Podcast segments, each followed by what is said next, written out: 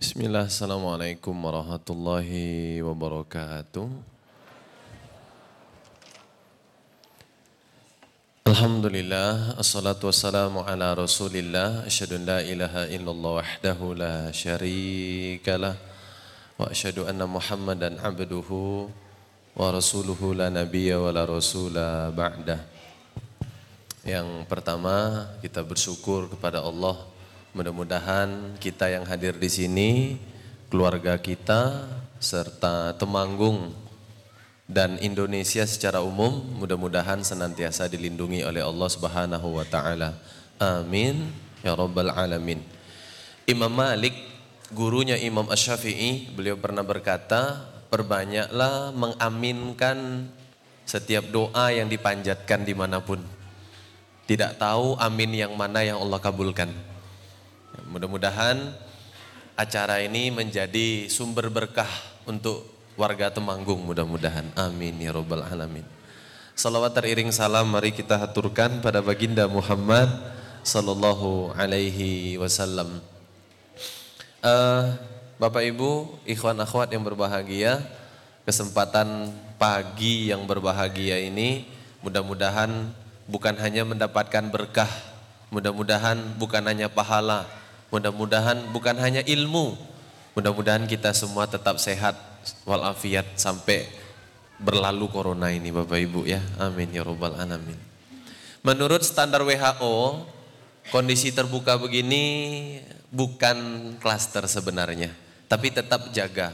Berharap Bapak Ibu sebisa mungkin tetap menggunakan masker dan kemudian untuk ya mudah-mudahan dijaga kesehatannya. Amin.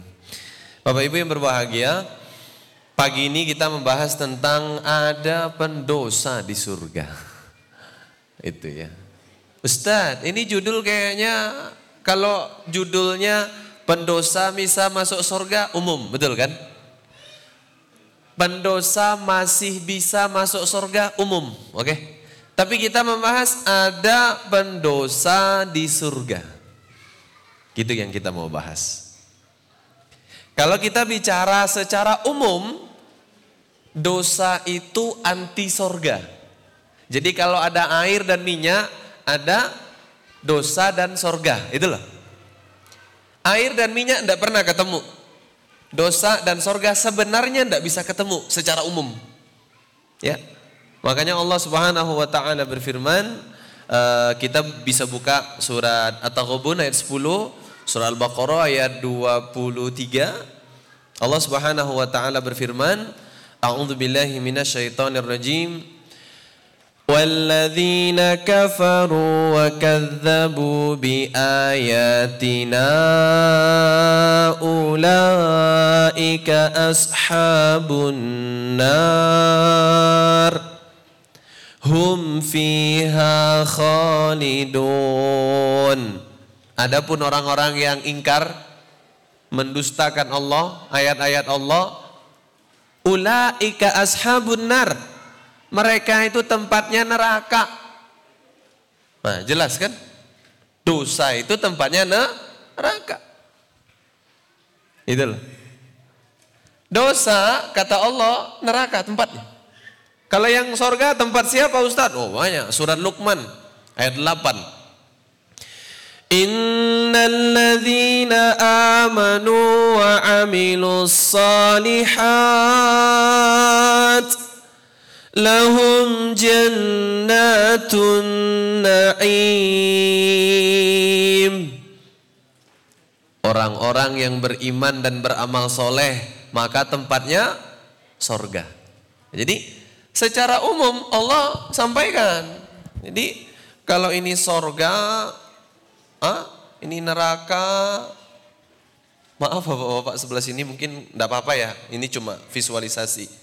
Oke, kalau ini sorga maka itu tempat pahala, takwa.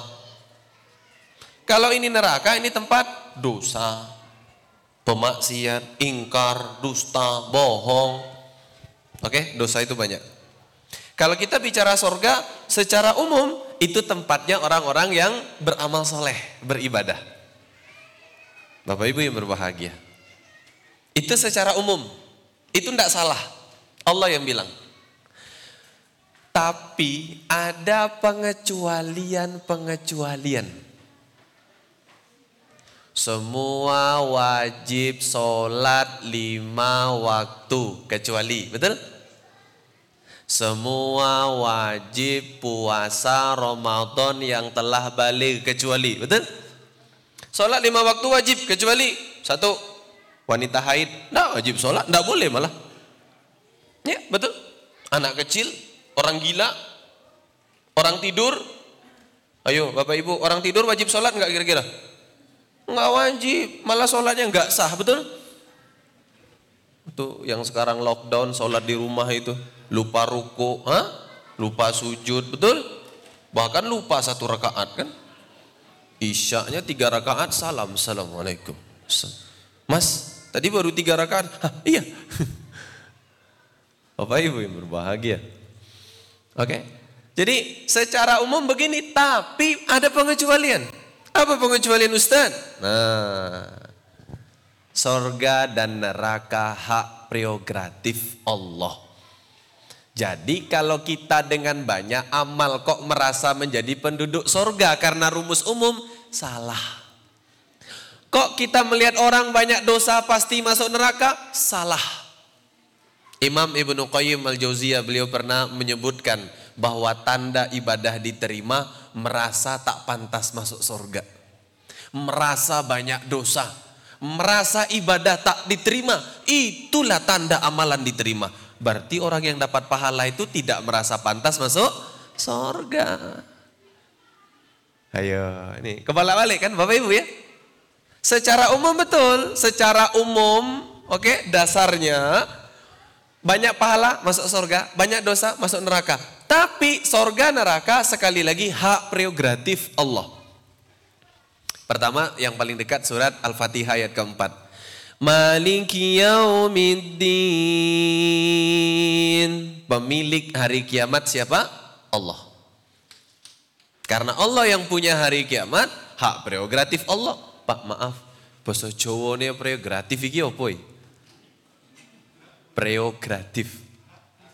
Hak khusus. Hak istimewa Allah. Rasulullah pun tidak bisa, malaikat pun tidak bisa. Malaikat, malaikat bonten sakit iki. Nabi bonten sakit. Allah menikah. Gusti Allah. Wah, gitu. Hanya Allah yang satu-satunya berhak menentukan siapa yang masuk surga, siapa yang masuk neraka. Allah. Oke. Okay. Surah An-Najm apa kata Allah?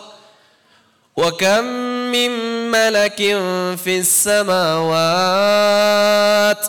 la tuni syafa'atuhum syai'a Berapa banyak malaikat di langit tak bermanfaat syafaatnya, tak bermanfaat pertolongannya kecuali atas seizin Allah.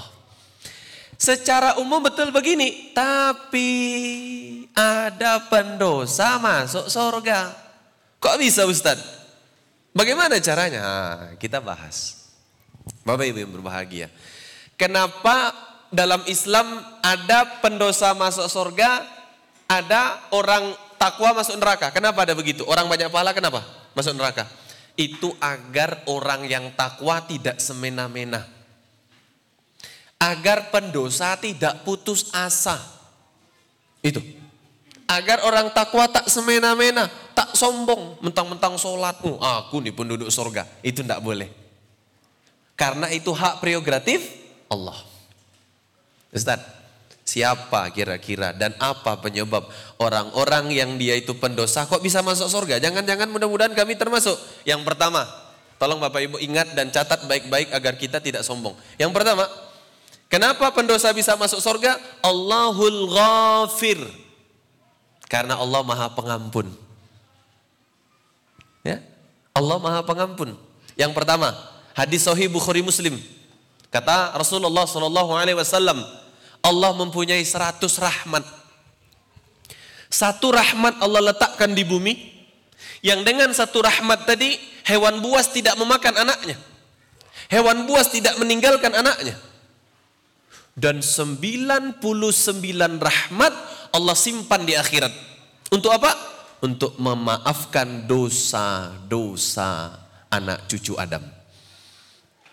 Kurang dalilnya tambah. Hadis riwayat At-Tirmizi derajatnya Hasan Sahih. Dari sahabat Anas bin Malik Rasulullah bersabda, Allah Subhanahu wa taala berfirman, hadis qudsi. Derajatnya Hasan Sahih. Kalau Bapak Ibu buka Arba'in Nawawi, 40 hadis Imam An-Nawawi itu nomor 42. 42. Apa kata Allah? Ya bana Adam, Lau ataitani bi qurabid dunya khataya thumma la tusyrik bi syai'an la ataituka bi qurabiha maghfiratan. Wahai anak cucu Adam, kalau kau datang kepadaku dengan dosa sebumi kata Allah, anak cucu Adam menungso ha? Kalau kamu mati, bahasa Jawanya apa itu Pak? Sido. Ah, ya. Kalau kue modar gitu. Beda atau? Keras itu. Bisa. Kasar oh kasar. Yang halus sido. Sedo. Kayak bahasa Jepang juga. Sedo. Kata Allah, menungso-menungso sedo. Piye iki? Susah bahasa Jawa. Kata Allah kalau manusia itu mati tak sempat bertaubat dosanya banyak Saking banyak dosanya sak bumi sak dunyo iki. Hah? Sak bumi iki dosa kabeh iki. Mana? Katah dosanya. Katah, betul katah. Banyak. Ya. Dosane tua, tua apa tuh? Sembarangan aja. Penuh bumi ini sama dosa. Tak sempat bertaubat sebelum meninggal dunia. Berzina dia, mencuri dia, membunuh dia. Tak sempat bertaubat, mati, meninggal dunia. Apa kata Allah? Thumma la tushrik bi syai'an. Syaratnya satu aja. Dia tidak syirik, tidak menyekutukan Allah, tidak menduakan Allah. Pak, dengar Pak. Allah aja pak nggak sudi diduakan pak, apalagi ibu-ibu, betul bu ya? Senang apa? Cocok, cocok ustadku ini. Itu ya. Begitu pula bapak-bapak bu. Jangan duakan bapak-bapak dengan handphone. Hah? Suami pulang sambutlah. Ini suami pulang nih main handphone santai. Pulang pak, ah ya hati ya. Allah nggak sudi diduakan. Kamu mau salah sebanyak apa pun kata Allah, mati tak sempat bertaubat, tapi tidak menyekutukan Allah, tidak menduakan Allah. La ataituka biqurabiha maghfiratan. Kata Allah, aku akan mendatangimu dengan sebumi pula ampunan. Mantap kan? Ayo Pak. Membunuh itu Pak tak sebumi dosanya Pak. Hah? Dosa besar Pak. Tapi kata Allah kalau kamu ndak sirik, kalau kamu ndak nyekutuin Allah, kamu tidak menduakan Allah. Siji loro, tidak melorokan Allah. menduakan, melorokan, menye, menyekutukan bahasa Jawa ini apa Pak? Susah juga ya. Tidak menduakan Allah, meninggal tapi tak sempat bertaubat. Allah janji la ataituka. Pasti aku akan mendatangimu biqurabiha dengan sebumi pula ampunan maghfiratan. Allah Allahul Ghafir. Allah Maha Pengampun. Allah berhak mengampuni orang. Inilah akidah ahlu sunnah wal jamaah. Anna murtakibal kabira tahta masyiatillah. Pelaku dosa besar, hak prerogatif Allah. Allah mau ampuni, hak Allah. Allah mau tidak mengampuni, hak prerogatif Allah. Kurang hadis Ustadz untuk poin pertama. Tambah, hadis riwayat Imam Ahmad dan Imam Abu Dawud. Derajatnya Hasan Sahih. Rasulullah Shallallahu Alaihi Wasallam cerita. Pada masa Bani Israel hidup dua orang sahabat pemuda. Yang satu soleh, yang satu toleh. Bapak Ibu tahu beda soleh dengan toleh ya? Kalau soleh nutup aurat, toleh buka aurat. Kalau soleh ngaji, toleh enggak ngaji. Kalau soleh solat, toleh enggak solat. Hidup semasa pada masa Bani Israel bersama mereka. Ya, setiap hari si soleh menasehati si toleh. Tapi tak juga bertobat. Tobatlah. Jenengan niki, niko atau niki pak? Meniko. Jenengan meniko, tobat to. Modar. ya. Tobat. Setiap hari dinasehatin. Tobatlah, tobat. Tapi si toleh nggak tobat-tobat. Nggak tobat-tobat, Pak. Bu, nggak tobat-tobat. Karena nggak tobat-tobat. Akhirnya ini kayaknya anak santri udah terungsikan di atas ini. Hah, santri di atas. Udah mengungsi semua. Di bawah udah bapak-bapak aja lagi. Di atas santri. Kata santri, enak di atas tat, bebas kami di atas. Jangan jatuhin sesuatu ke bawah ya. gitu bisa selonjoran, bisa santai ya ngaji. Enak banget di atas Pak. Masya Allah. Kalau di bawah kan mereka jaga sikap Pak. Santri di atas aman. Tuh, santai Pak di atas. Yeay. Kalau Ustadz Umar sama Abah Heri di sini mungkin baru gini. Tapi kan kami ngajar tafsir untuk anak santri. Tapi santri di sini bagus-bagus pak. Kita ngaji dua jam, satu jam setengah itu mereka alhamdulillah nggak ada yang ngantuk, mantap mereka ngaji. Kayak stand up komedi betul kan? Kayak stand up komedi pak. Berikan contoh zolim, kamu makan pakai ember. Oh, iya. Zolim. Siapa kemarin itu? Ah itu, tos lagi deh pak. Apa contoh zolim? Minum pakai gayung. La ilaha illallah. Santri luar biasa pak. Pokoknya mereka itu bagus-bagus pak. Kalau sudah bertanya pak, habis waktu itu tidak cukup itu. Nanya terus, semua ditanya pak. Apa hukum main game? itu ya. Ayo Pak, kita lanjut. Ustaz, hadisnya kurang tadi. Udah ini hadis ketiga ini dari satu poin tadi. Maka meninggal dunialah dua-dua orang ini. Tapi sebelum meninggal si soleh bilang ke toleh. Eh toleh, kamu kalau nggak bertaubat, kamu kalau nggak berubah, kamu kalau nggak hijrah, kamu kalau tak tinggalkan dosa, kamu mati, maka Allah tidak akan ampuni kamu dan kamu akan masuk neraka. Kata si soleh. Rumus umumnya betul, betul ya? Oke? Maka meninggal kedua-duanya Allah panggil. Soleh, toleh, sini. Kata Allah kepada si toleh, toleh masuk surga. Kaget si soleh. Ini banyak dosa masuk surga, kok iso? Piye? Tapi namanya manusia itu kan suka optimis, betul Pak ya?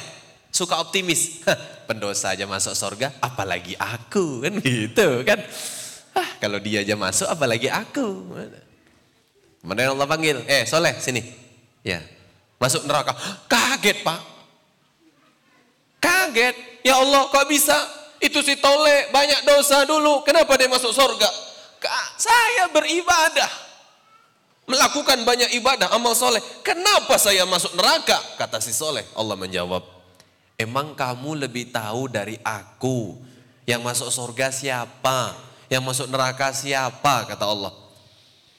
Maka Pak di dalam akidah ahlus sunnah wal jamaah Pak, kita tidak boleh memfonis orang lain. Tidak boleh. Amalan kita tinggi banyak. Kok kita fonis orang itu amalan habis. Itu tanda amalan kita tidak diterima. Pak, Bu, maaf. Kalau hidup ini kayak Indonesian Idol, maka kita semua ini peserta, bukan juri. Paham? Terus jurinya siapa? Allah. Kita ini semuanya peserta tidak berhak menilai dan memfonis orang lain. Peserta semuanya kita. Nah, mengapa kita bahas judul ada pendosa di surga? Bapak Ibu agar kita tidak jumawa. Tidak semena-mena. Mentang-mentang dia, oh ini bau neraka. Nah, enggak. Kan kadang kita kalau bercanda begitu kan. Ada orang mabuk, hm, bau vodka, neraka. Oh, jangan pak, tidak begitu. Ya, kita kalau sudah tahu materi ini, oh jangan. Allah maha pengampun. Bisa aja Allah ampuni nanti, kan begitu. Pak, Bu, ketika kami mengkaji hadis ini susah payah, kami kaji syarahnya. Kenapa kok bisa si pendosa yang masuk surga? Satu-satunya alasan Allahul Ghafir. Allah Maha Pengampun. Hadis qudsi tadi. Ya benar Adam, lau ataitani bi qurabi dunya khataya, thumma la tusyrik bi syai'an, la ataituka bi quramiha maghfiratan. Eh anak cucu Adam, kau kalau mati, meninggal dunia, tak sempat bertaubat, tak sempat berubah, tak sempat meninggalkan dosa, tak sempat berhijrah, meninggal dunia, kau bawa sebumi dosa, kata Allah, tapi kalau kamu tidak syirik, kamu tidak menduakan Allah, tidak menyekutukan Allah, aku akan berikan ampunan, walaupun sebumi dosanya. Bapak Ibu yang berbahagia. Ini yang pertama. Ya. Karena hadis ini kata para ulama tidak ada yang menyebutkan si toleh, si pendosa bertaubat sebelum meninggal tak ada. Inilah letak 99 rahmat yang Allah simpan untuk nanti di hari kiamat. Ustadz, kalau dia non muslim bagaimana? Nanti sabar. Ini baru poin pertama. Kita ada lima poin ini. Ada lima poin yang kita bahas, pendosa ada pendosa di surga. Poin pertama, Allahul Ghafir. Oke? Okay? Pak, ini materi bukan agar kita menghalalkan dosa. Maaf Bapak Ibu yang berbahagia. Menghalalkan dosa termasuk menyekutukan Allah. Paham? Kalau Bapak Ibu sudah tahu bahwa yang yang membuat pendosa masuk surga karena Allah Maha Pengampun, terus Bapak Ibu bilang, "Ah, udahlah bikin dosa aja." Itu masuk syirik. Paham? Nanti pulang-pulang curinya punya orang, tendang. Tenang, Allah Maha Pengampun. Wahaya kan? Nah, jadi menghalalkan apa yang Allah haramkan mengharamkan apa yang Allah halalkan itu bab syirik. Bahkan lebih tinggi daripada syirik. Paham Bapak Ibu ya? Artinya begini, jangan gara-gara Allah Maha Pengampun terus kita gampangan aja kan? Pulang-pulang nanti diambil topi bisa itu kan tiga, ambilnya baju. Kenapa diambil? Allah Maha Pengampun. Nah, tak tepat itu Bapak Ibu. Satu, dua, Pendosa di surga. Apa yang menyebabkan ada pendosa di surga? Bagus Bapak Ibu yang berbahagia. Karena mereka ini tidak mengerti, tidak tahu. Itu disebut apa Ustaz? Bapak Ibu, tenang. Saya walaupun tidak melihat teks, sebenarnya sekali-kali saya lihatkanlah. Saya tidak bak buku.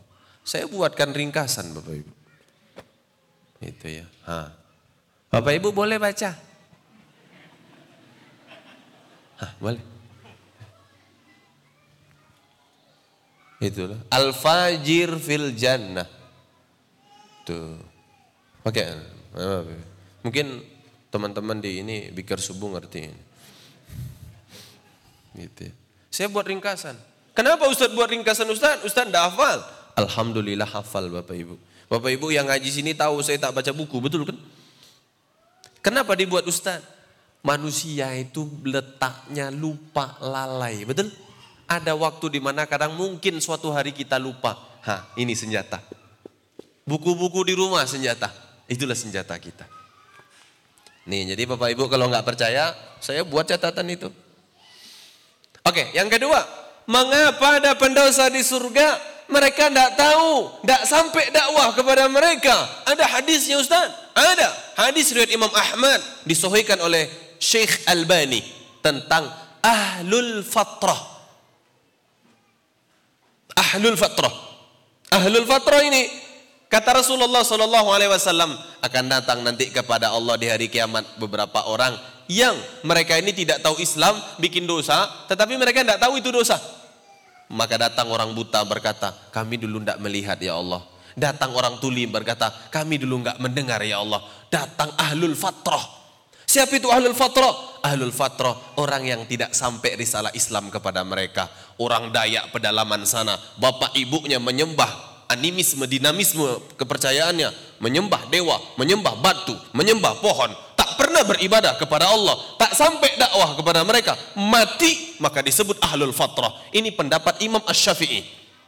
Kata Imam Ash-Syafi'i, ahlul fatrah sampai hari kiamat ada. Ustaz, sekarang media sosial terkenal Ustaz, tersebar di mana-mana Ustaz, dakwah ke mana-mana. Apa mungkin begitu? Pak, Bu, saya punya teman di Cina. Sholatnya cuma dua kali sehari semalam. Ninggalin sholat dosa nggak? Dosa.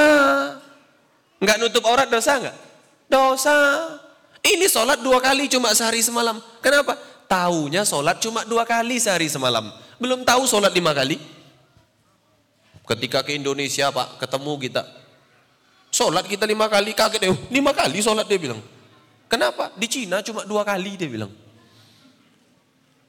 Paham Bapak Ibu ya? Ahlul Fatrah. Siapa Ahlul Fatrah? Orang yang tak sampai ilmu Islam kepada mereka, tak sampai ajaran Islam kepada mereka, mereka disebut ahlul fatrah. Bapaknya Kristen, ibunya Kristen, keluarganya Kristen, tak pernah mendengarkan Islam, meninggal dunia ahlul fatrah.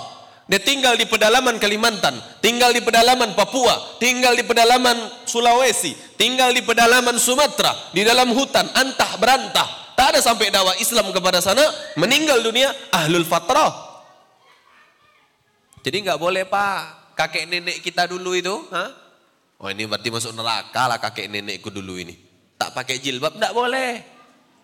Mungkin mereka belum tahu hukum positif Indonesia saja. Itu kalau persidangan ada namanya praduga tak bersalah.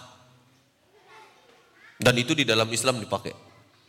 Jadi orang-orang yang memang belum dapat pemahaman Islam, ada itu berlaku.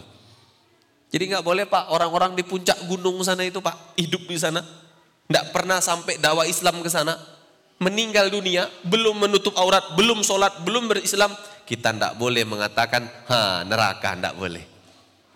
Karena kata Rasulullah Shallallahu Alaihi Wasallam nanti mereka diuji oleh Allah di hari kiamat. Kalau Allah perintahkan masuk neraka, dia mau masuk neraka, maka dia masuk surga. Diuji, ahlul fatrah diuji nanti. Lulus ujian, sorga tempat mereka. Dua, ahlul fatrah. Tak sampai ilmu kepada mereka, tak sampai Islam kepada mereka. Mereka belum mengetahui. Dua, tiga. Siapa pendosa kiranya yang masuk sorga? Ada dosa dia tapi masuk sorga. Pak ini pemahaman penting pak. Karena banyak orang bu menganggap kalau bikin dosa itu pasti masuk neraka. Itu salah itu. Ini agar Bapak Ibu tidak putus asa kalau banyak dosa. Yang kedua, kalau sudah beribadah jangan jumawa, jangan maaf sombong. Ya, apalagi merendahkan orang tidak boleh. Yang ketiga apa? Amal soleh minimal sama dengan dosa. Minimal ketika ditimbang. Minimal sama. Kalau lebih masuk surga. Kalau sama nanti dapat syafaat. Jadi gini Pak, kalau ini timbangan Pak, ya kalau ini daun timbangan ya, ah, kalau dosa dan ibadahnya seimbang, seimbang dosa dan ibadah, maka bisa mendapatkan syafaat. Langsung semua dicap salah, tidak bisa Pak. Dalam Islam seimbang saja masih besar kemungkinan masuk surga. Bahkan tadi dosanya lebih banyak, betul? Bahkan sama sekali tak beribadah. Poin kedua tadi. Kalau poin ketiga, amal soleh minimal sama. Kalau lebih banyak, para ulama bilang sorga tempatnya. Ada namanya mizan. Nanti di hari kiamat ditimbang. Ha. Ha.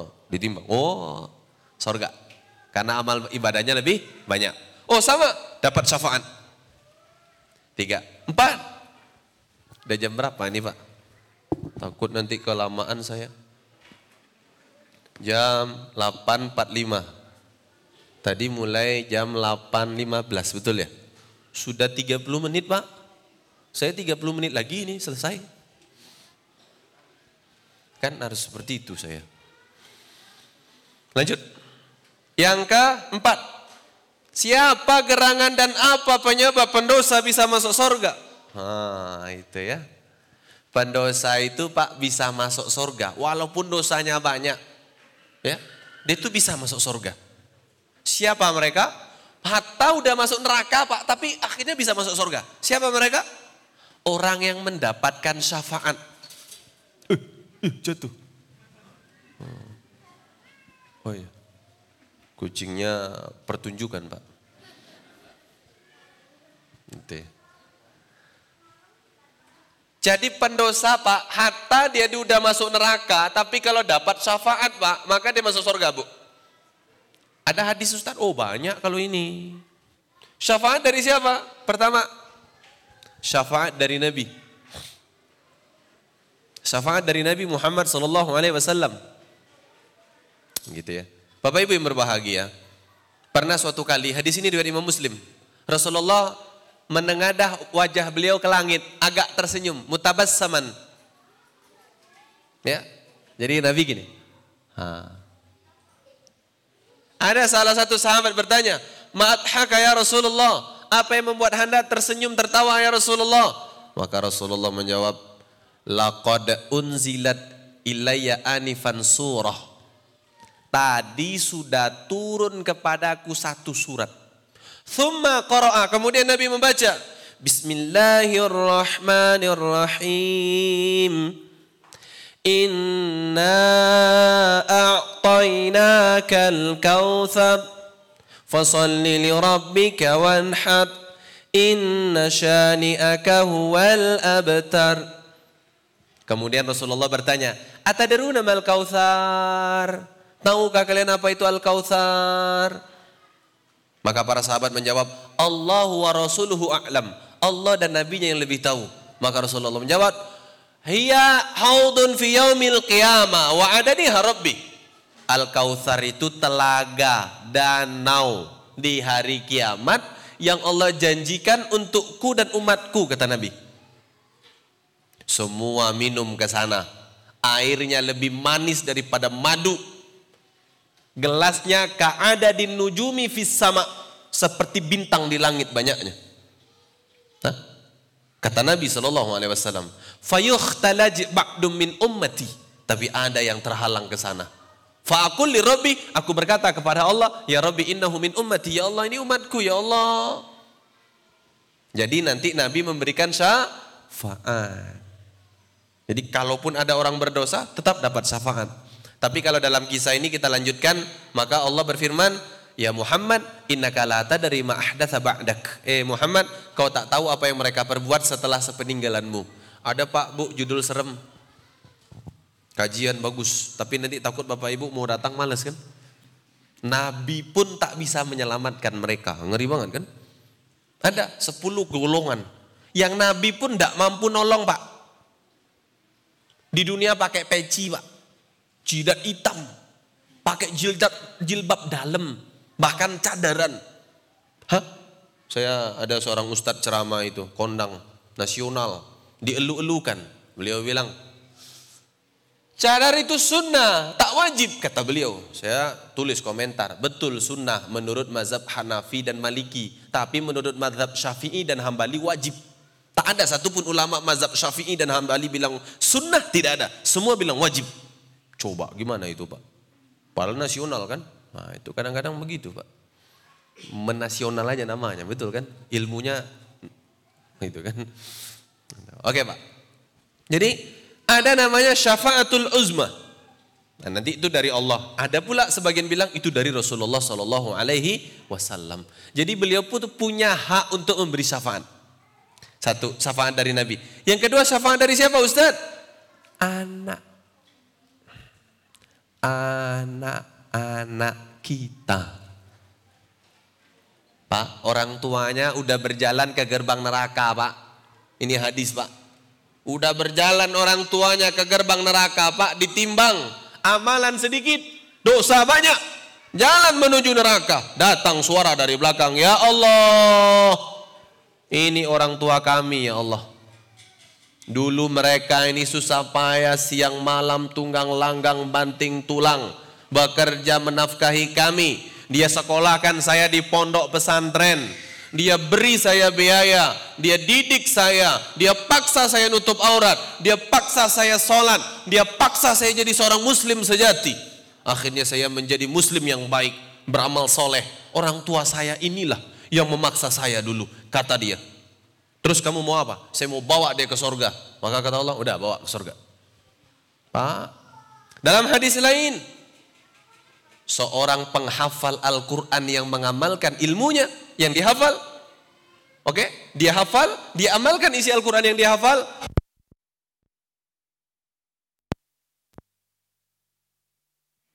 Mati lampu. Oh ya, oke okay, oke. Okay. Biasa pak. Itu ya. Disebut penghafal Al-Quran mati langsung. Kata Rasulullah Sallallahu Alaihi Wasallam, orang tua yang anaknya menghafal Al-Quran dan diamalkan isi Al-Quran bisa membawa sepuluh keluarga ke dalam surga. Pak, sepuluh.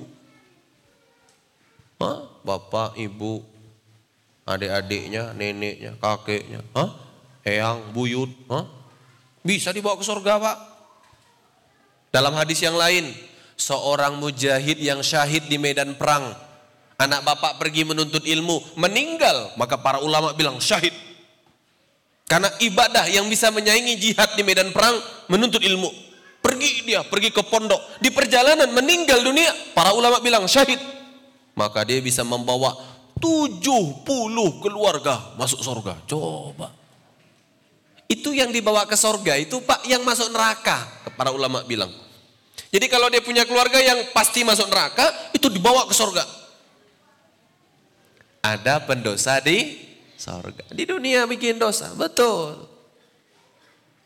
Siapa lagi Ustaz yang dapat memberikan syafaat kita? Sahabat dalam beribadah. Hadis ini riwayat Imam Bukhari dan Imam Muslim. Versinya beda. Cuma beda kata-katanya. Intinya sama. Ya. Kata Rasulullah Sallallahu Alaihi Wasallam, ketika penduduk sorga masuk sorga, penduduk neraka masuk neraka, sampai ke mata kaki. Pak, mata kaki namanya apa?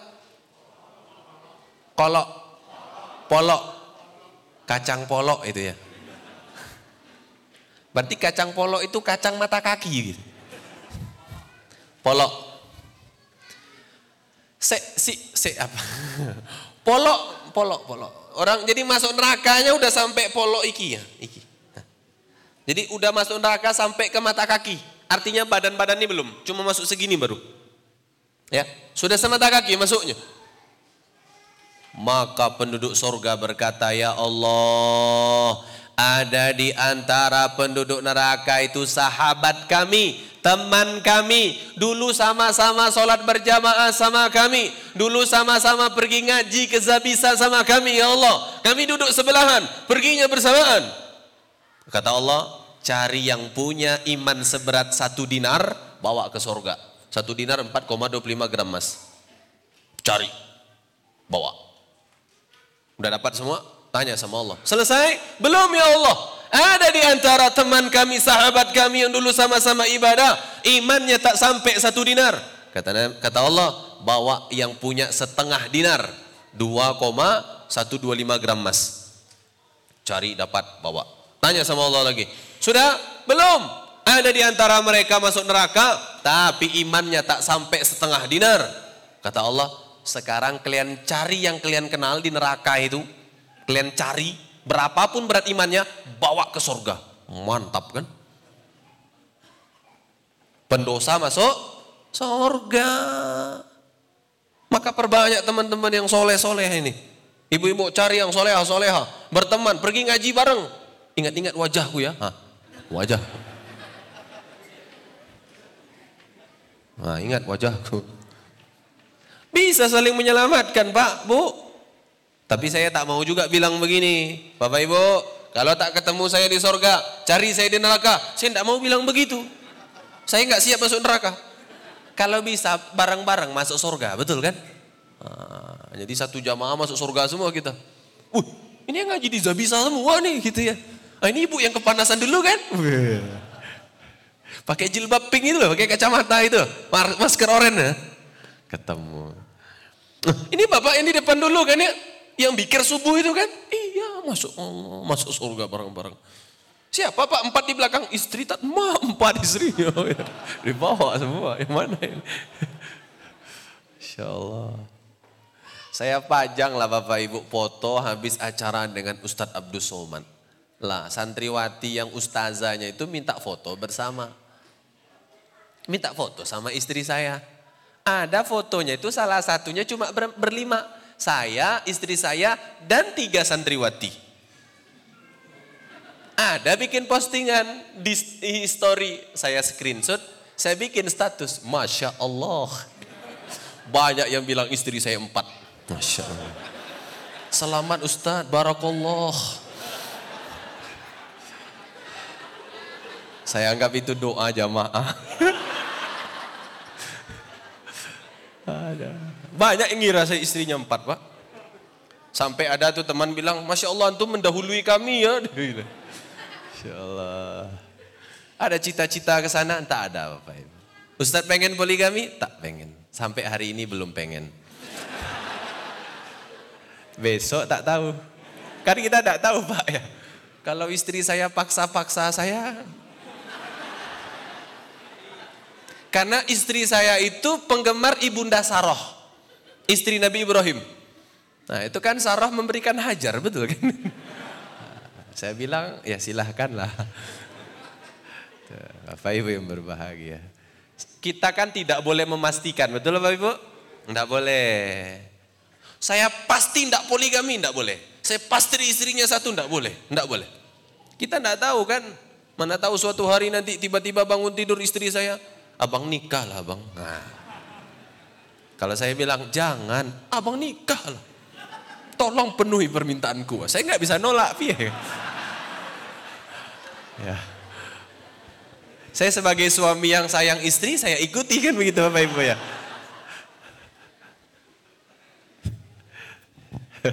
Kayaknya nanti pulang agak diam-diam sedikit. Bapak Ibu yang berbahagia. Dapat syafaat Bapak Ibu. Kenal-kenal kita ini nih, ha? Bapak Ibu sebelahan-sebelahan ini. Bapak Ibu, saya di majelis kami di sana itu di Jogja. Saya minta jamaah itu semua kenalan. Jangan tidak kenal. Teman sebelahnya siapa? Kenal. Agar nanti Pak bisa saling memberi syafaat. Menyelamatkan. Ya, saya Pak kalau baca hadis ini sendiri nangis kadang itu Pak. Nangis. Kenapa nangis ya Allah? Berapa banyak teman kita yang baik nanti bisa menyelamatkan kita. Syukur sama-sama selamat. Itu yang keempat. Yang terakhir, Bapak Ibu yang berbahagia, siapa gerangan orang yang mereka ini banyak dosa ya? Orangnya banyak melakukan ibadah yang tidak baik. Kok mereka itu masih saja bisa masuk Islam. Ini hadis masuk surga. Ini hadis riwayat Imam Muslim. Masuk surga. Dosanya banyak, tapi masuk surga. Jadi cerita hadisnya begini. Jadi ada seorang pendosa di dunia karena saking banyak dosa, Pak. Saking banyak dosa. Ya. Karena saking banyak dosanya dia ketika sebelum meninggal dia minta anaknya membakar dirinya. Jadi kalau meninggal nak, bapak nanti dibakar. Kalau bapak sudah dibakar jadi abu, tolong abu bapak ini buang ke mana-mana. Taruh satu ke Temanggung, satu ke Magelang, satu ke Jogja, satu ke Purbalingga. Dipisah-pisah. Di hari kiamat, orang ini Allah bangkitkan. Allah hadirkan. Eh kamu, kamu banyak dosa. Sebelum meninggal kau minta dibakar jasadmu. Kemudian dipisah ke mana-mana. Kenapa kamu lakukan itu? Pertama ya Allah, aku sadar aku banyak dosa. Yang kedua, apa alasannya? Karena ya Allah, Aku yakin kalau betul engkau maha kuasa, pasti aku dikembalikan lagi. Yang ketiga, aku lakukan itu karena takutnya aku kepadamu ya Allah. Maka kata Allah, kalau begitu, oke okay lah, kau masuk surga. Masuk surga pak. Tapi bapak-bapak, ibu-ibu jangan pula seperti itu. Itu udah bocor, paham bapak ibu? Udah habis itu. Tapi ada pelajaran penting kata para ulama mensyarah di sini. Apa? Pak, selagi ada iman di hati, ini yang kelima ya. Selagi ada iman di hati, kepercayaan kepada Allah, keyakinan kepada Allah, ada iman di hati, kepercayaan kepada Allah. Oke? Okay? Yang kedua, takut kepada Allah hadir. Takut, sadar dosa takut. Tapi tidak sempat bertaubat pak. Tidak bisa bertaubat. Ya, jadi orang baik tidak bisa. Tapi ngerti Allah, percaya kepada Allah, iman kepada Allah, takut sebenarnya tapi ninggalin dosa nggak bisa. Maka kata para ulama, orang seperti ini akan Allah masukkan ke dalam sorga. Pak, subhanallah. Jadi Pak, dia melakukan dosa itu bukan menghalalkan dosa. Dia takut Pak, tapi tidak bisa ninggalin. Ya, tapi ada orang yang mereka itu banyak bikin dosa, tidak bisa ninggalin bukan takut. Bukan gak bisa ninggalin, tapi memang karena memperturutkan saja, yo ada surat al-mu'minun. Itu ya ada itu. Ada. Nah terus yang kelima ini berarti iman, yakin, percaya kepada Allah. Rasa takut yang luar biasa, walaupun belum bisa meninggalkan dosa. Tapi ngerti, takut, takut neraka, takut Tat, harusnya tat kalau takut orang tuh kan bisa meninggalkan dosa. Tidak semua pak, tidak semua bu. Ada orang yang begitu takut kepada neraka, takut kepada azab. Tapi ada waktu dia longgar, betul? Ada waktu dia melakukan dosa. Tapi datang lagi takut, buat lagi takut, buat lagi takut. Maka orang seperti ini akhirnya masuk surga. Bapak ibu yang berbahagia. Pembahasan ini yang pertama, kami pengen untuk diri kami, bapak-bapak, ibu-ibu, kita semua. Pertama, karena kita ini pasti bikin dosa. Kullu bani Adam khutta'un. Setiap anak cucu Adam pasti berdosa kata Allah. Pertama jangan putus asa. Materi ini tujuannya untuk kita agar jangan putus asa. Bapak Ibu yang berbahagia. Betul dosa kita banyak, salah kita banyak, nggak terhitung. Betul kan Bapak Ibu ya? Belum dulu waktu muda kita tidak sholat, ninggalin sholat. Belum lagi sekarang bapak-bapak mau kajian, banyak yang dilihat. Lihat ke kanan, segini celananya. Perempuan kan? Lihat ke kiri, segini tali bajunya Pak. Mau kajian Pak saya, mau ngisi kajian. Lampu merah. Lihat hot pen Pak, tahu hot pen Pak? Sebegini celananya Pak. Saya laki-laki normal pak. Astagfirullah. Ngeliat ke kiri, astagfirullah. Daster pak, satu tali. Tali rapia sini pak. Hah. Astagfirullah. Lihat, ah la ilaha illallah di depan. Alhamdulillah bukan Alhamdulillah. Di depan peluk-pelukan pak, cium-cium pak. Astagfirullah. Itu mau ngaji pak. Kalau nggak istighfar itu materi bisa lupa semua itu. Mending pak, pak kalau orang bilang orang baik itu adalah ustadz, belum pak. Ini ngisi kajian di bank pak, bank. Pegawainya itu pak segini roknya pak. Duduk dengerin kajian begini duduknya pak. Duduknya begini. Bayangkan rok pendek tadi. Segini bertiroknya kan. Ini ada jalur melihat, betul kan? Begini duduknya. Pernah ngajian itu? Bayangin nasib saya di depan. Innalhamdulillah nahmaduhu wa nasta'inu wa Astagfirullah. Dosa, Pak. Susah kita lepas dari dosa, betul? Ada Pak kajian pramugari, Pak. Oh, saya gini-gini ngisi pramugari, Pak. Kau tak kuat iman hancur, Pak. Panjang roknya pak. Belah sampai sini tapi. La ilaha illallah. Dosa pak. Enggak ada mentang-mentang ustadz ngelihatnya halal. Enggak ada pak. Tetap dosa pak. Saya tahu itu dosa pak. Sampai saya selesai ngaji bilang, Pak besok kalau mau ngundang saya bawa koran Pak. Saya bilang, buat apa? Tutup Pak. Baca tabat siada salah saya. Jadi imam maghrib. Tabat yada abi lahabi wa tab. Tabat yada.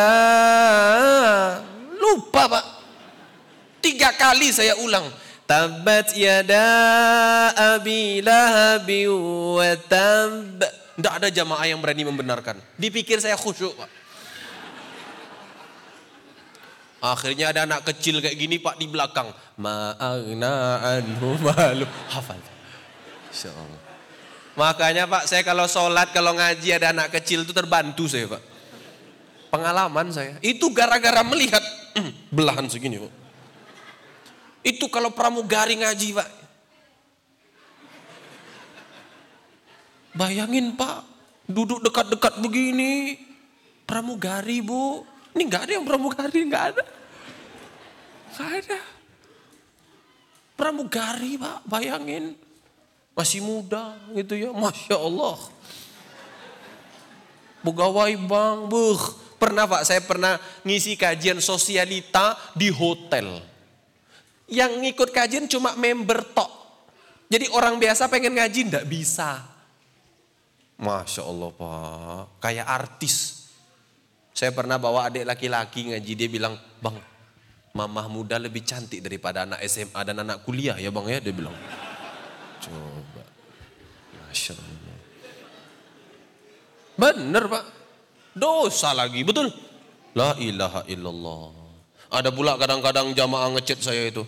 Assalamualaikum Ustaz, Ustaz mau nikah lagi enggak? Ah, saya hapus, istri saya tanya, ada chat macam-macam? Tidak ada, dosa saya kan. Sampai dibaca sama istri saya nanti dicari tahu pula itu siapa, betul kan? Berantem. Dosa banyak pak, belum di handphone. Apa ibu ya handphone, mana handphone saya tadi? Oh ini. Pak, kadang-kadang kita lagi mau buka, buka Al-Quran pak, dia bilang satu de, lima detik lagi iklan. Iklannya buka-bukaan, betul kan? Macam-macam kadang isinya. Buka Al-Quran iklannya macam-macam. La ilaha illallah. Buka YouTube ceramah Ustadz Abdul Somad iklannya Masya Allah. Buka ceramah Ustadz Umar Fakihuddin. Mu. Udah ada iklan ya di. Bapak Ibu berbahagia. Iklannya luar biasa. Dosa Pak. Di sini kami pengen sampaikan betapa dosa itu ada di mana-mana. Bahkan di masjid, betul? Pak, kalau di kampung saya Pak, orang sholat Bu, di kampung saya. Itu mbak-mbak muda-muda itu ya, ibu-ibu muda-muda itu kalau mau sholat Pak, bajunya tank top, celananya hot pen. Kok tahu? Itu mau kena dicantelin sini. Jalan dia. Huh. Cantelin mau kena sini. Nah, jalan dia. Masya Allah Pak. Terus kita ngelihat la ilaha illallah. Sholat kan kepikir-pikir terus betul kan Pak? Cantik juga. Ustadz, orang sekarang ini memang matanya jelalatan. Bu, zaman Nabi bu, yang jadi imam Nabi. Ada sahabat sholat di soft terakhir. Apa katanya? Hina raka'tu fara'aitu mar'atan jamilatan. Ketika aku ruku, aku lihat wanita cantik di belakang. Ruku pak, sholat gitu loh. Yang imam Nabi padahal pak. Ya, Dosa itu ada di mana-mana. Di kajian juga kadang ada dosa, betul? Lagi ngaji tiba-tiba datang chat untuk ibu-ibu tuh. Say, ada jilbab baru say. Itu ya, buka. Yang jualan tiba-tiba lagi ngaji. Eh itu jilbab barunya berapa? Langsung dibalas. Ya. Yang jualan makanan, itu gudegnya berapa ya? Wah, ya. padahal Ustaz ceramah di depan kudaannya banyak. Ya, lagi sholat, ndak bisa khusyuk. Kenapa? Anak orang jalan-jalan main-main. Anak siapa yang nakal? Dia sholat. Nakal betul. Padahal anaknya juga nakal. Eh, memang anak ndak dididik ya gitu. Dia sholat pak, sholat gitu loh. Coba. Dia sholat. Apalagi kan pak lagi sholat pernah nggak pak ya lagi jamaah. Terus orang sebelah kita tuh naruh kacamatanya itu loh Pak. Terus anak-anak lari-lari. Pernah nggak itu sholat gitu Pak? Kita itu lagi sholat. Kan dia ngelangkah-ngelangkahin terus kan jalan. jalan. Takut keinjak. Sholat itu Pak, di masjid ada dosa apalagi di jalan Pak. Hah? Di jalan apalagi? Masya Allah. Kami tadi berangkat Pak, dari Jogja ke sini pagi-pagi. Lah kan di di apa? Di itu kita kan ke kiri ke Temanggung tuh kan. Nah, Secang ya. Magelang, Secang, ke kiri Temanggung kan gitu ya. Nah, tuh. Ke kiri kan jalan langsung tuh lampu merahnya jalan terus pertigaan itu kan. Nah, kita motor tuh masih sebenarnya di belakang kita. Kita udah sign mau ke kiri langsung. Tapi motornya marah gitu kan. Akhirnya kita juga tetap ke kiri, saya keluarin kepala. Dia bilang apa? ASU. Saya ngeliatin nih. Berhenti. Kita lanjut aja Bapak Ibu. Dosa lagi betul kan? Bilang ASU ya dosa juga. Kecuali dia guguk guguk gak beda lagi kan. Ini kan kata-kata kotor Bapak Ibu ya. Tapi maaf Bapak Ibu agak keluar materi sedikit saya dulu waktu di Riau, karena saya orang Riau, tidak tidak ngerti bahasa Jawa. Jadi dulu teman saya tuh ngejek saya tuh saya enggak tahu. Asuransi kan, ransi, ASU kan, asuransi. Dulu saya ketawa aja pak. Asuransi, ya. Senang saya dulu pak. Malah jeleknya lagi, satu teman saya bilang ASU, satu lagi ransi, ya. Dulu saya bangga pak. Sekarang saya tahu. Guguk rupanya. Bapak Ibu yang berbahagia. Dosa itu di mana-mana. Pelajaran penting pertama, jangan putus asa.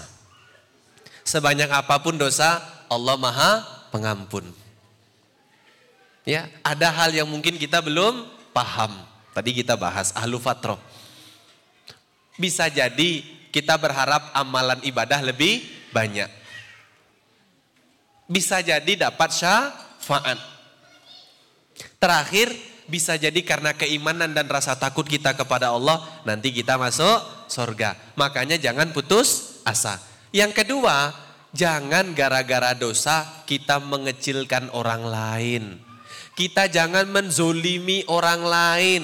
Jangan memfonis orang lain. Jangan meremehkan, melecehkan orang lain. Karena kita tahu pendosa ada di sorga. Nggak tahu lewat jalan mana dia masuk sorga. Bisa karena Allah mengampuni? Bisa karena dia belum tahu? Bisa karena rupanya amal ibadah lebih banyak? Bisa karena dapat syafaat dari anaknya, dari nabi, dari sahabatnya? Atau bisa juga walaupun dia banyak dosa, tapi imannya kuat, takutnya kuat. Hanya mungkin belum bisa meninggalkan dosa. Kita tidak tahu. Kita jangan putus asa, tapi jangan pula mencela orang lain. Jangan mengecilkan orang lain. Kalau orang Arab bilang pak, jangan salahnya orang membuat kita buta dari kebaikannya. Dosanya seseorang membuat kita buta dari kebaikan-kebaikannya. Tetap kalau itu benar dan baik, ambil. Tetap kalau itu manfaat, ambil. Walaupun mungkin dia orang yang banyak dosa. Wallahu a'lam bisawab. Ini sudah jam, oh lewat 13, udah satu jam pak. Bu, Udah satu jam kita ini. Kalau Sabtu Somad kan ada kertas begitu datang. Saya nggak ada kertas, tahu diri sendiri aja, paham Bapak Ibu. Bapak Ibu, ini kita sudah satu jam materi, uh, kan memang normalnya dan baiknya satu jam. Nanti setelah ini kalau Bapak Ibu ada pertanyaan dipersilahkan. Mudah-mudahan nanti bisa untuk melengkapi materi. Begitu Bapak Ibu ya. Ustadz apakah pertanyaan harus di dalam materi? Tidak harus. Bebas. Gitu Bapak Ibu. Tuh, bebas. Monggo Bapak Ibu boleh ada emasnya, ada ibu, ada dua ya. Mungkin yang depan dulu Bu ya. Itu pakai.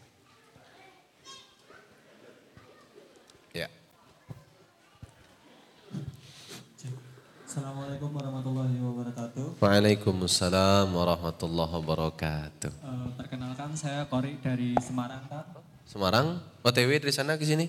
Iya. Masya Allah. Dari kemarin, kemarin baru sampai Temanggung. Iya. Izin bertanya, Tat. Eh, kan Allah Subhanahu wa taala mengampuni semua dosa kecuali dosa syirik. Syirik benar. Nah, kadang-kadang itu kan hati kita terganggu dengan niat-niat yang tidak lillahi taala. Nah, minta tipsnya Tat agar hati kita selalu mengesahkan Allah Subhanahu wa taala. Terima Iya. kasih. Ustadz, tadi kan Allah mengampuni semua dosa. Surah An-Nisa Al-Maidah ada. Inna Allah yaghfiru dzunuba jami'ah. Allah mengampuni semua dosa kecuali syirik. Asyirku. Tapi syirik itu ada dua. Ada ada kabir. Ada sogir. Oh itu bah- bahagia banget itu. Ya, ada sogir. Sogir ini niat, ria. Itu di sini. Kalau di sini ibadah. Maksudnya nyembah. Minta. Bapak Ibu yang berbahagia, yang pengen kami sampaikan, syirik yang menghalangi kita dari surga itu yang ini, yang besar menduakan Allah. Dia sholat, tapi dia pergi ke pohon besar. Paham apa Ibu ya? Minta, ah itu. Pergi ke batu besar, nah, di sini. Tapi kalau yang kecil itu masalah niat, kadang tidak ikhlas. Sholat pengen sehat, sholat duha pengen kaya, betul kan? Sedekah satu pengen dapat tujuh ratus, kan gitu tuh. Nah itu namanya niat tuh. Kalau ria pamer. Biar dilihat orang. Hah? Biar dipuji orang, diakui orang itu ria. Oke. Nah ini kecil. Ini tidak termasuk penghalang tadi. Walaupun ada hadis tapi hadisnya doif. Ada di dalam kitab Syarhul Kabair, Syekh Al-Utsaimin pernah menyampaikan hadis ini tapi hadisnya doif. Yang penghalang tadi di sini. Saya kenalkan dulu. Kemudian Ustadz, bagaimana cara kita meluruskan niat agar niat kita satu-satunya Allah? Oke, ini berarti masuk masuknya ke sini. Oke, bagaimana biar kita itu niatnya tulus, Tad? niatnya lurus, satu-satunya Allah. Apa yang bisa kita lakukan? Yang pertama, beribadahlah walaupun belum ikhlas, itu yang penting. Karena kalau beribadah nunggu ikhlas Pak, takutnya kita ndak ikhlas-ikhlas, betul? Jadi walaupun belum ikhlas beribadahlah. Jangan nunggu ikhlas baru beribadah. Beribadahlah terus. Oke? Terkhusus ibadah amalan sosial. Apa itu Ustadz ibadah sosial? Ibadah amalan yang ada hubungan dengan orang lain. Sedekah, zakat, senyum. Bu, Pak, senyum itu sosial itu. Assalamualaikum, Waalaikumsalam. Karena kata Syekh Asyashri, amalan sosial kalau tidak ikhlas, maka betul dia tak dapat pahala, tapi bisa menghapus dosa. Bagus kan? Jadi beramallah walaupun belum ikhlas. Itu yang pertama kalau pengen ikhlas. Yang kedua, perbanyak amal soleh.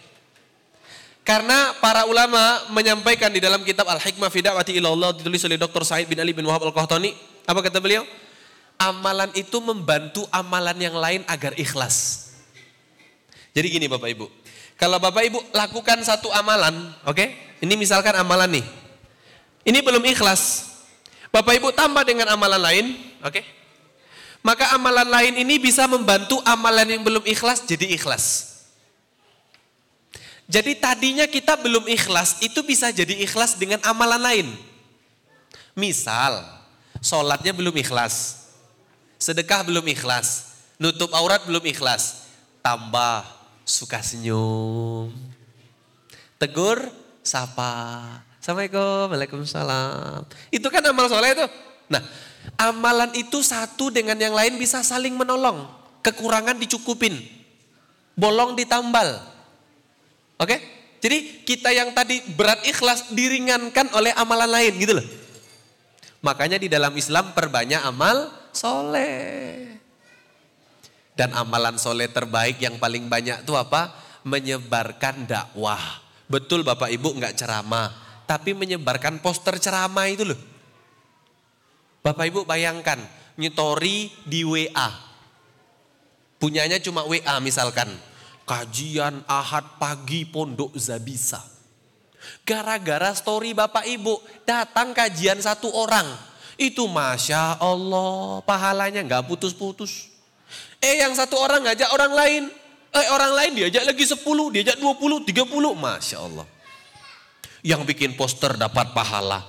Yang mendanai pembuatan poster dan pondok pesantren dapat pahala. Yang memberi kata sambutan dapat pahala. Enak banget. Paham Bapak Ibu ya? Yang berat itu saya, ceramah, teriak-teriak, nyiapin materi, betul kan? Abah Heri enak, sambutan aja, ah, selesai. Gitu kan? Nyebarin maksudnya sekecil apa pun itu dapat. Paham Bapak Ibu? Dapat. Cuma Abah Heri itu yang besar pertanggungjawaban nanti kan. Wah itu yang besar. Bapak Ibu yang berbahagia. Ya, ini nih penting. Itu dua, biar ikhlas. Yang ketiga, banyak makan yang halal. Itu membantu agar kita ikhlas. Empat, perbanyak zikir dan istighfar. Terakhir, doa. Doa. Doa sendiri atau minta ke orang lain agar bisa ikhlas. Niatnya lurus. Cinta kepada Allahnya tulus. Satu-satu yang dicintai hanya Allah. Dan Nabi adalah manusia yang beliau istighfar, zikir, dan doanya lebih banyak daripada kita semua. Bapak Ibu maaf, saya barusan menghafal sebuah doa, hadis ini sohih. Ini doa yang Nabi biasa panjatkan. Saya cuma tanya nanti Bapak Ibu pernah nggak manjatkan doa ini gitu loh. Atau sudah hafal belum? Kalau sudah nanti kita kasih door prize mungkin ya. Oke, Nabi berdoa begini. Allahumma inni a'udzubika min jarisu wa min zaujin yushayyibuni qabla al-mashib wa min waladin yakunu alayya rabban wa min malin yakunu alayya adaban wa min khalilin makirin ainuhu yarahu yaroni.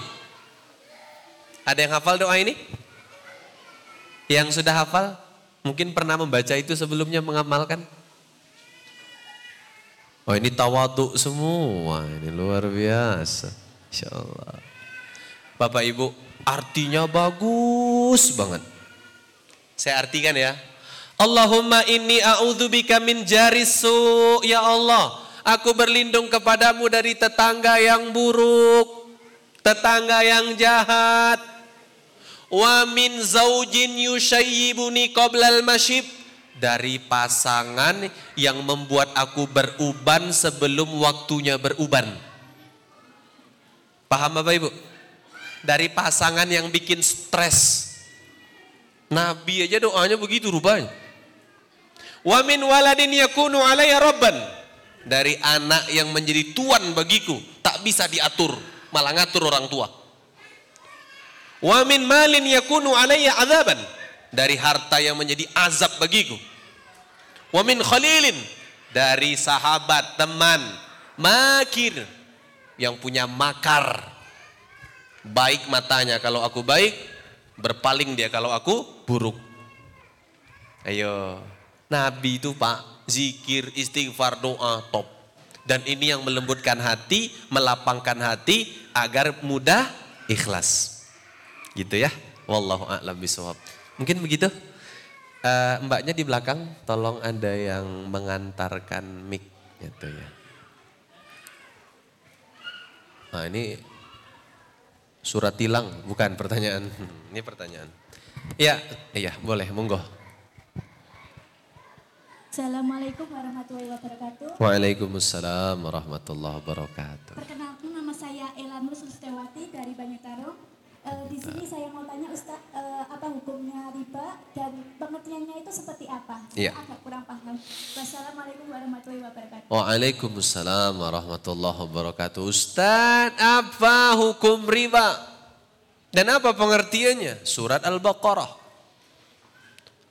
Ya, Wa ahallallahu al-bai'a wa harrama riba Allah halalkan jual beli wa harramar riba. Allah haramkan. Yang mengharamkan siapa? Allah. Riba haram. Jelas. Apa saja yang haram Ustaz? Rasulullah sallallahu alaihi wasallam bersabda, "Lu'ina riba, akilahu wa katibahu wa syahidahu wa dhaminuhu." Dalam satu riwayat ditambahin lagi. Yang kena efek riba ini siapa saja yang haram? Pemakannya, saksinya, penulis transaksinya, penyebab transaksi berjalannya. Kena semuanya laknat dari riba. Riba itu apa Ustadz? Kalau haram dan banyak yang kena gara-gara riba. Riba itu macamnya banyak. Yang pertama, ada bunga kalau kita membeli jangka waktu kan tidak cash kredit. Ada bunga atau kita meminjam ada bunga. Itu riba. Misalkan saya minjam ke Abah Heri. Abah pinjam uang sejuta. Boleh. Tapi nanti kembalinya sejuta dua ratus. Dua ratus itu riba. Paham Bapak Ibu? Atau saya beli tapi kredit. Abah, saya mau beli motor. Boleh. Kalau cash 20 juta, kalau kredit nanti kamu bayarnya ke sana. Nah, nanti kalau kamu ini, kalau kamu apa, telat ada tambahan. Nah itu. Kalau jual beli kreditnya boleh, yang nggak boleh itu ada tambahan atau bunga dalam keterlambatan kredit itu tadi. Nanti ada juga yang memasukkan satu jual beli dengan dua akad. Itu termasuk kategori riba. Ada yang memasukkan ke sana juga goror. Goror itu jual beli tapi satu pihak untung, satu pihak rugi banget. Nah itu Bapak Ibu yang berbahagia. Itu nanti ada yang mengkategorikan. Tapi riba itu sederhananya adalah pertambahan nilai dari nilai seutuhnya. Pinjam 10 ribu, balik 11 ribu. Nah itu. Satu ribunya itu riba. Paham Ibu ya? Nah, hukumnya apa? Haram. Ustadz, Apakah semua orang bekerja di sana terkena haram? Ingat pembahasan kita tadi? Bukan semua. Saya baca buku tentang ini tidak semua. Ada yang tidak paham. Ada yang nggak ngerti. Ada yang ilmunya belum sampai. Ada yang ilmunya sampai, mentalnya belum siap. Tugas kita bagaimana? Tidak perlu memfonis dan memberi stigma negatif orang lain. Cukup kita tahu, paham, pelan-pelan kita perbaiki yang kurang-kurang dan tidak baik. Begitu. Oh, saya bacakan ini dulu. Ya. Mohon penjelasan dari perkataan Imam Syafi'i, aku melihat air menjadi rusak karena diam tertahan.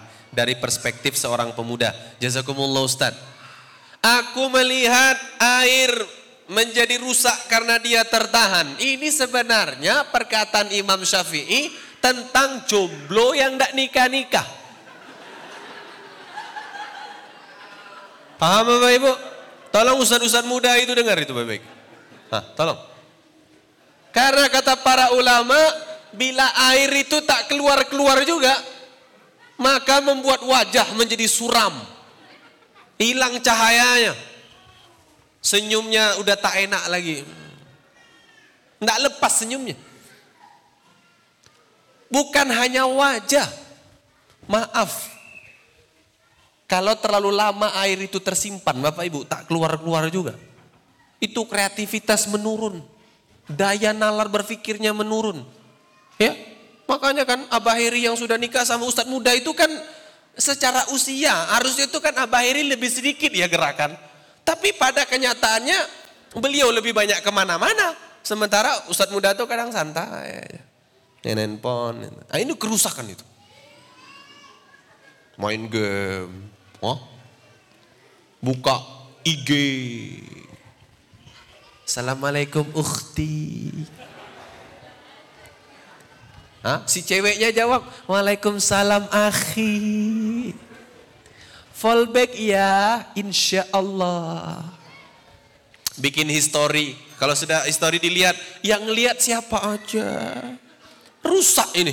Kayak nggak ada kerjaan lain. Betul Bapak Ibu? Rusak. Kenapa? Tertahan. Makanya Pak Bu, kalau sudah pengen nikah anaknya, adiknya, nikahinlah. Rusak. Saya adik saya itu sebelum mondok saya bilang, kamu mau nikah atau mau sekolah? Dia bilang sekolah bang. Mulai sekarang jangan kepoin akhwat lagi saya bilang. Nah tuh ada anaknya di situ. Saya bilang kalau kamu mau sekolah jangan kepoin akhwat lagi. Kalau kepoin akhwat lagi nggak usah sekolah, nikah aja tak gituin. Enggak bang, nanti aku kalau nikah aku kasih makan apa? Ya nasi lah. Aku kerja di mana? Ya udah jadi pembantu di rumah abang saya bilang. Suami istri jadi pembantu mau? Enggak mau aku bang. Ya kalau enggak jualan pakai gerobak tepi jalan, malu aku bang. Nah kayak gitu. Bapak Ibu, saya adik-adik saya itu enggak tertutup. Saya adik saya ada di sini Bapak Ibu. Saya bilang, kamu kalau nikah-nikah, tapi kalau kamu mau sekolah fokuslah sekolah, jangan mikirin lawan jenis dulu. Karena kalau sudah mikirin itu Pak, fokusnya susah menghafal berat. Yang dihafal kata-katanya dia aja. Kalau kamu membidik, bidiklah bulan. Karena kalau tak dapat bulan, minimal jatuh ke bintang. Dia bikin status, saya bilang, salah itu. Kenapa salah bang? Bintang lebih jauh daripada bulan. Dia bilang bulan, jatuh ke bintang, kebalik saya tadi. Kalau kamu mau bidik, bidik bulan. Kalau kalau bulan nggak dapat, dapat bintang. Salah, saya bilang, bintang lebih jauh daripada bulan. Bikin kata-kata mutiara salah. Oh, ibu. Oh. Itu tuh tentang jombloan dan jomblowati. Pak bahasa Jawa jomblo iki apa ya? Joko. Kasep. Kasep. Sebutannya aja kurang enak ya. Itu betul Bapak Ibu. Nih Ustadz Neri tolong nih, Ustadz muda ini kalau siap nikah, nikahin aja. Kalau sekolah, fokus sekolah.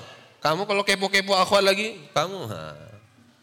Saya tahu cara bagaimana mengetahui isi WA dari orang. Pinjam aja handphonenya, bisa itu, dihack itu. Nah Bapak Ibu ya. Tuh. Itu, itu maksudnya seperti itu. Karena kalau tertahan lama itu banyak hal negatif terjadi. Makanya tidak boleh. Makanya Islam dan Allah dan Rasulullah meminta kita menyegerakan seseorang itu menikah. Jangan ditunda, tunda, bahaya. Kalau dia miskin bagaimana? Kata Allah, wa in fuqara yughnihimullah. Kalau mereka fakir, miskin, Allah kayakan mereka. Jangan takut. Paham Bapak Ibu ya? Ada lagi mungkin? Oh ada. Itu ibu di belakang nunjuknya. Mungkin bentar ibu yang di sana. Iya. Ada mic ya itu, tolong di anu di apa? Digeser. Itu ibu-ibunya panasnya udah lewat ya? Udah, biarin aja panitia yang panas. Panitia nggak apa-apa. Assalamualaikum warahmatullahi wabarakatuh. Ustaz. Waalaikumsalam Ibu. Ya, perkenalkan saya Dewi dari Parakan. Paraan itu Sebelah sana. Oh sana ya? Oh iya. Main ke Parakan Ustaz. Insya Allah. Barakallah. Ustaz begini, tadi dijelaskan oleh Ustaz Ramzi bahwa eh, Allah itu akan mengampuni dosa-dosa manusia seberat apa pun dosa itu kecuali syirik. Iya. Ya. Pertanyaan saya, bagaimana jika seorang manusia itu sudah melakukan syirik, tapi akhirnya mereka sadar, terus mereka bertobat, dan itu kira-kira Allah mengampuni tidak? Iya. Dan bagaimana untuk mengistiqomahkan taubatnya itu? Oke. Terima kasih, jazakumullah khair. Wajazakumullah. Ibunya karena bilang syirik, bilang syadarnya ya syadar gitu ya. Fasih. Itu kalau tahsinnya 100 itu. Syadar. Ya, Ustadz, Kan syirik itu tidak diampuni Allah Ustaz. Kalau dia sadar bagaimana? Allah maha pengampun. Kalau di dunia masih sadar, Allah ampuni walaupun syirik. Bahkan Pak, Bu, Islam, murtad, masuk lagi ke Islam, masih Allah ampuni. Masih. Bukan hanya syirik. Islam, kemudian dia murtad. Masuk Islam lagi, Allah terima. Yang nggak boleh itu berulang kali yang nggak boleh. Oke? Okay? Syirik kalau masih hidup dia sadar dan bertobat, Allah terima. Tapi syaratnya dia bertobat. Allah terima. Kalau masih hidup. Bu, ini hadis Nabi tadi sebelumnya ada. Apa kata Nabi? Apa kata Allah? Ya bana Adam, lau balagat dhunubuka ananas sama, thumma astaghfartani ghafartu laka ala minka wal ubali. Eh anak cucu Adam, kalau dosamu membumbung sampai langit saking banyaknya, membunuh, berzina, mencuri, korupsi, berbohong, syirik, thumma astaghfartani, kemudian kau minta ampun kepadaku kata Allah, ghafartulaka. Aku ampuni tanpa hitung-hitungan. Ampun. Itu yang pertama. Yang kedua, Ustadz, agar istiqomah dalam taubat, dalam hijrah, dalam berubah ini Ustaz. Kami sudah ngaji Tad, kami sudah datang kajian, udah sholat, udah nutup aurat. Agar istiqomah, bagaimana caranya? Profesor Dr. Buya Haji Abdul Malik Karim Amrullah. Disingkat Profesor Dr. Buya Hamka. Nulis buku judulnya Seribu Satu Soal Kehidupan. Kata beliau, hijrah, taubat, berubah jadi orang baik agar istiqomah tiga, kata beliau. Satu, guru. Bapak Ibu harus punya guru. Guru sopo. Penting ini, guru. Hah? Kata beliau guru, kita butuh guru. Harus dekat dengan guru. Sahabat-sahabat itu dekat sama Nabi. Murid-murid Imam Syafi'i dekat dengan Imam Syafi'i. Murid-muridnya para ulama dekat dengan ulama. Guru, kita butuh guru. Doa, kata beliau. Siapa? Apa yang bisa kita lakukan? Buku. Cobalah di rumah itu Bapak Ibu beli buku. Nah, baca buku. Tiga, teman, sahabat, lingkungan yang baik. Ini tiga hal kata Imam Syafi'i agar istiqomah di jalan hijrah. Agar istiqomah ketika bertaubat. Agar isma, agar istiqomah dalam perjalanan menuju baik. Guru, buku, teman atau sahabat yang baik.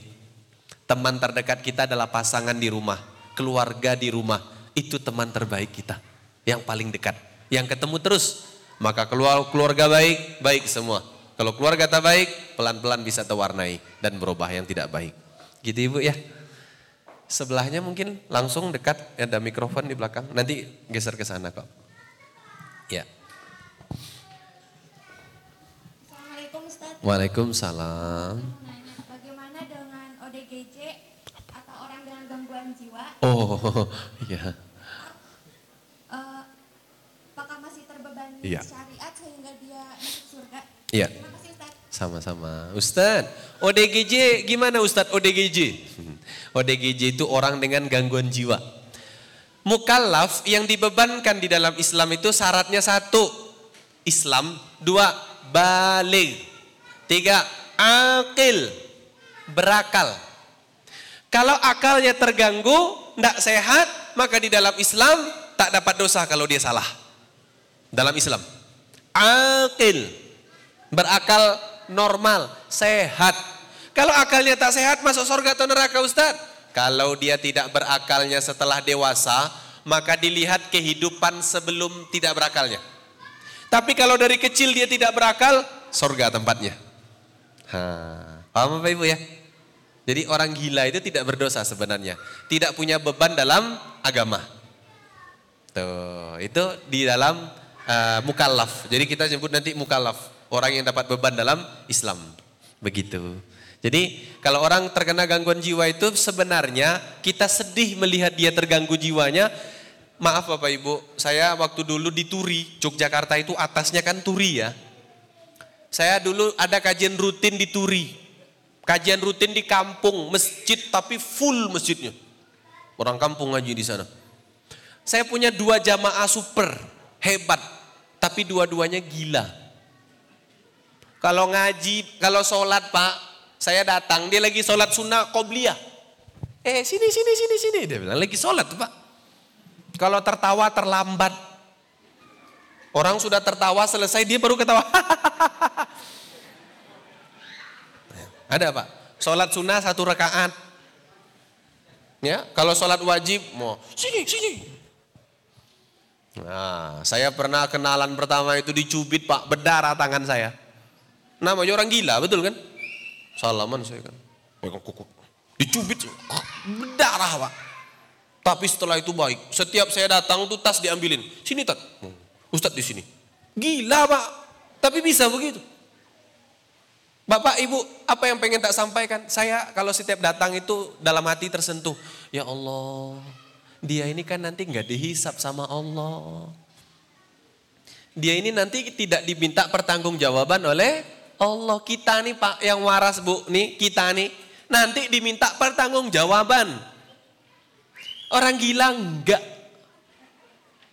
Berarti enak jadi orang gila tat ya monggo. Tapi betul orang gila itu nanti tidak dibebankan. Gitu. Wallahu a'lam bishawab. Mungkin ada terakhir ya gimana? Eh, mic-nya belum sampai ya? Ada minta tolong mic disampaikan. Ah, ini mic-nya berjalan dua-dua ke sana. Ya.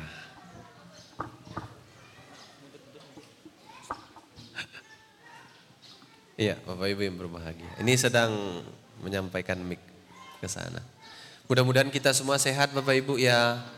Mudah-mudahan Temanggung nol corona mudah-mudahan amin ya robbal alamin. Ya, monggo. Bismillahirrahmanirrahim. Assalamualaikum warahmatullahi wabarakatuh. Waalaikumsalam warahmatullahi wabarakatuh. Uh, maaf Ustadz, mau bertanya mengenai kisah tadi anak-anak yang di masjid. Mm -mm. Uh, saya punya pengalaman pribadi karena pada kenyataannya tidak semua masjid itu maaf membolehkan ramah anak, ya. ya ramah anak seperti itu. Saya pernah singgah di suatu tempat dan men, uh, ikut berjamaah sholat di masjid tersebut. Tiba-tiba uh, anak saya balita itu berjalan-jalan di depan orang sholat dan waktu itu ada salah satu jamaah ibu-ibu yang menggugurkan sholatnya lalu e, membopong anak saya dan e, menasihati seperti itu. E, dari situ saya bingung, adakah dosa dari orang tua ketika e, anak kita itu e, istilahnya mengganggu konsentrasi orang-orang sholat di masjid itu. Ya. Terima kasih Ustadz. Assalamualaikum warahmatullahi wabarakatuh. Waalaikumsalam warahmatullahi wabarakatuh. Ustadz. Kalau misalkan anak kecil mengganggu sholat, orang tua dosa enggak?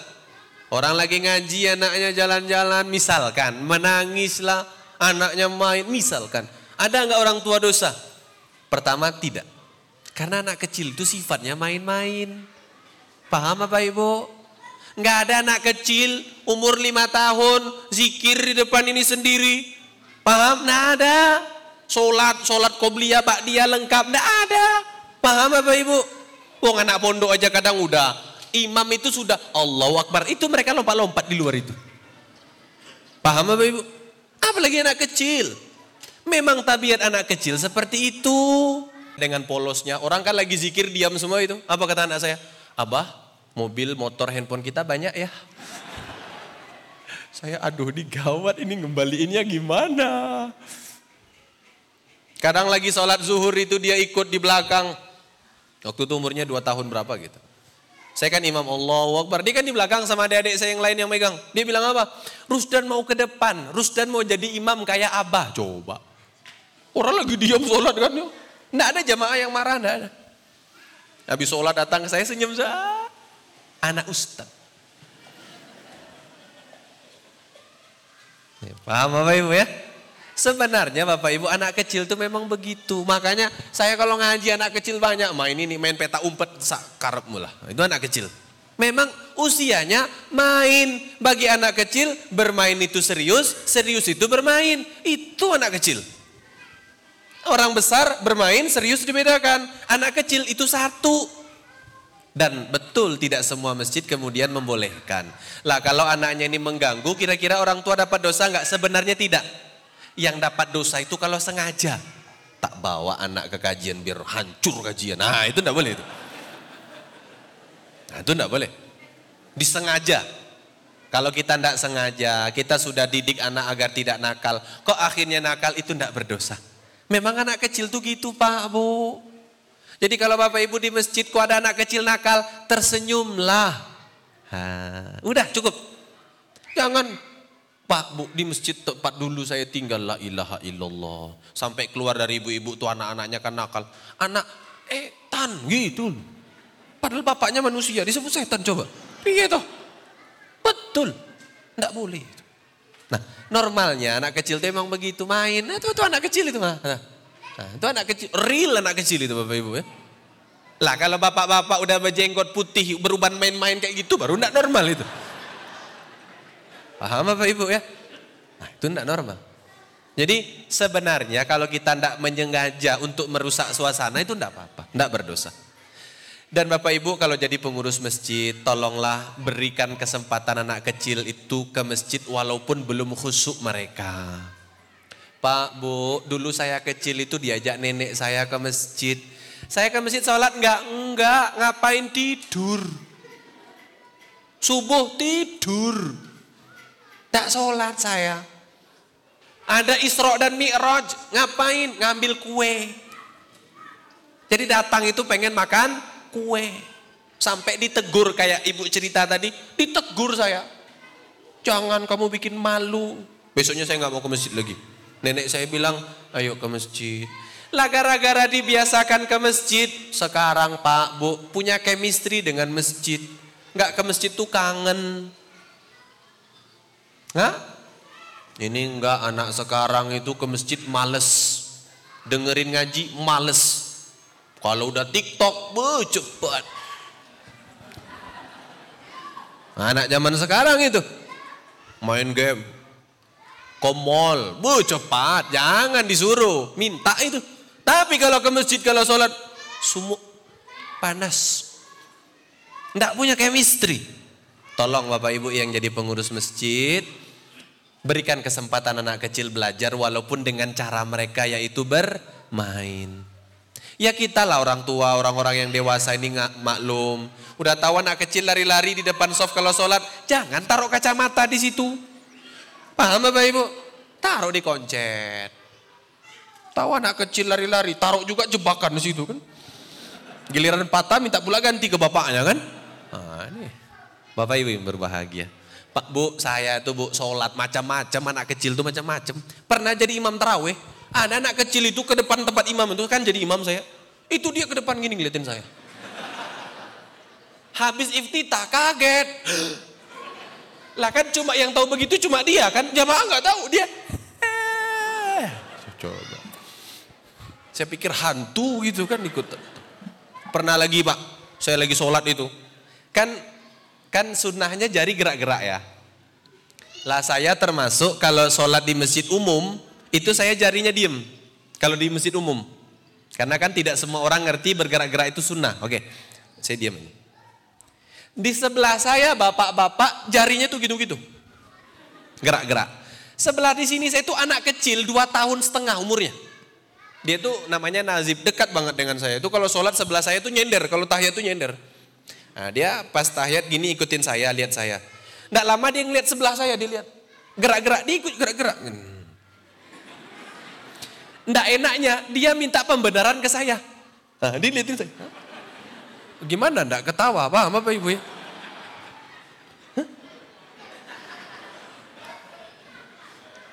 Ndak ada saya protes. Mending ada namanya Al-Fatih. Mati hati-hati nama anak Al-Fatih hati-hati. Hati-hati. Lagi sholat pak. Kebetulan di depan saya bapaknya itu bangkit dari sujudnya lambat. Itu kaki bapak-bapak usia 80 tahun dikorek-korek, digelitik sama dia. Saya di belakang lihat, digelitik pak, bapak juga. Pikir saya, la ilaha illallah. Macam-macam. Nah, itulah anak kecil. Tugas kita orang tua, orang dewasa yang memaklumi. Kalau kita ngaji begini, anak kecilnya bikin musyawarah gitu ya bikin komunitas, biarin aja. Jangan pula kita yang ribut. Sini, ke sini. Oh berantem nanti itu. Menangis itu. Tidak perlu. Biarin aja. Paham Bapak Ibu ya? Nah mereka sekarang lari-lari nih. Besok bisa jadi mereka jadi ustadz besar itu. Paham Bapak Ibu ya? Tidak ada yang tahu, betul? Jadi tetap berbaik sangka. Gitu Ibu ya. Wallahu a'lam bishawab. Jam berapa ini? Uh, jam 10 bentar lagi. Cukup mungkin Bapak Ibu ya. Mungkin Bapak Ibu ada agenda aktivitas yang lain agar nanti Bapak Ibu bisa menyelesaikan aktivitas-aktivitasnya. Bapak Ibu, kita doakan mudah-mudahan Bapak Ibu dan keluarganya kita semua sehat. Mudah-mudahan Allah jaga dan Allah lindungi kita dari wabah pandemi corona ini. Mudah-mudahan kita semua Allah mudahkan rezeki kita. Allah jadikan rezeki kita berkah. Badan kita sehat, rumah tangganya sakinah, mawaddah warahmah, anak cucu keturunan menjadi soleh dan soleha. Mudah-mudahan ilmunya berkah. Mudah-mudahan tetangga di sebelah rumahnya menjadi tetangga yang baik. Kemudian mendapatkan sahabat dan teman yang baik. Mudah-mudahan Temanggung terkhusus dan Indonesia segera Allah selesaikan wabah corona. Mudah-mudahan kita yang hadir di sini semuanya bahagia di dunia bertetangga kelak di surganya. Amin ya robbal alamin. Mudah-mudahan Bapak Ibu pulang ke rumah semuanya selamat. Mudah-mudahan lancar aktivitas. Kita doakan juga. Mudah-mudahan Pondok Zabisa bisa memberikan banyak manfaat untuk umat. Mudah-mudahan dengan itu kita semua bisa menjadi orang-orang yang bahagia di dunia sampai ke surga. Amin ya robbal alamin. Mohon maaf banyak salah dan kurang. Mudah-mudahan nanti bertemu lagi di kesempatan berikutnya. Assalamualaikum warahmatullahi wabarakatuh.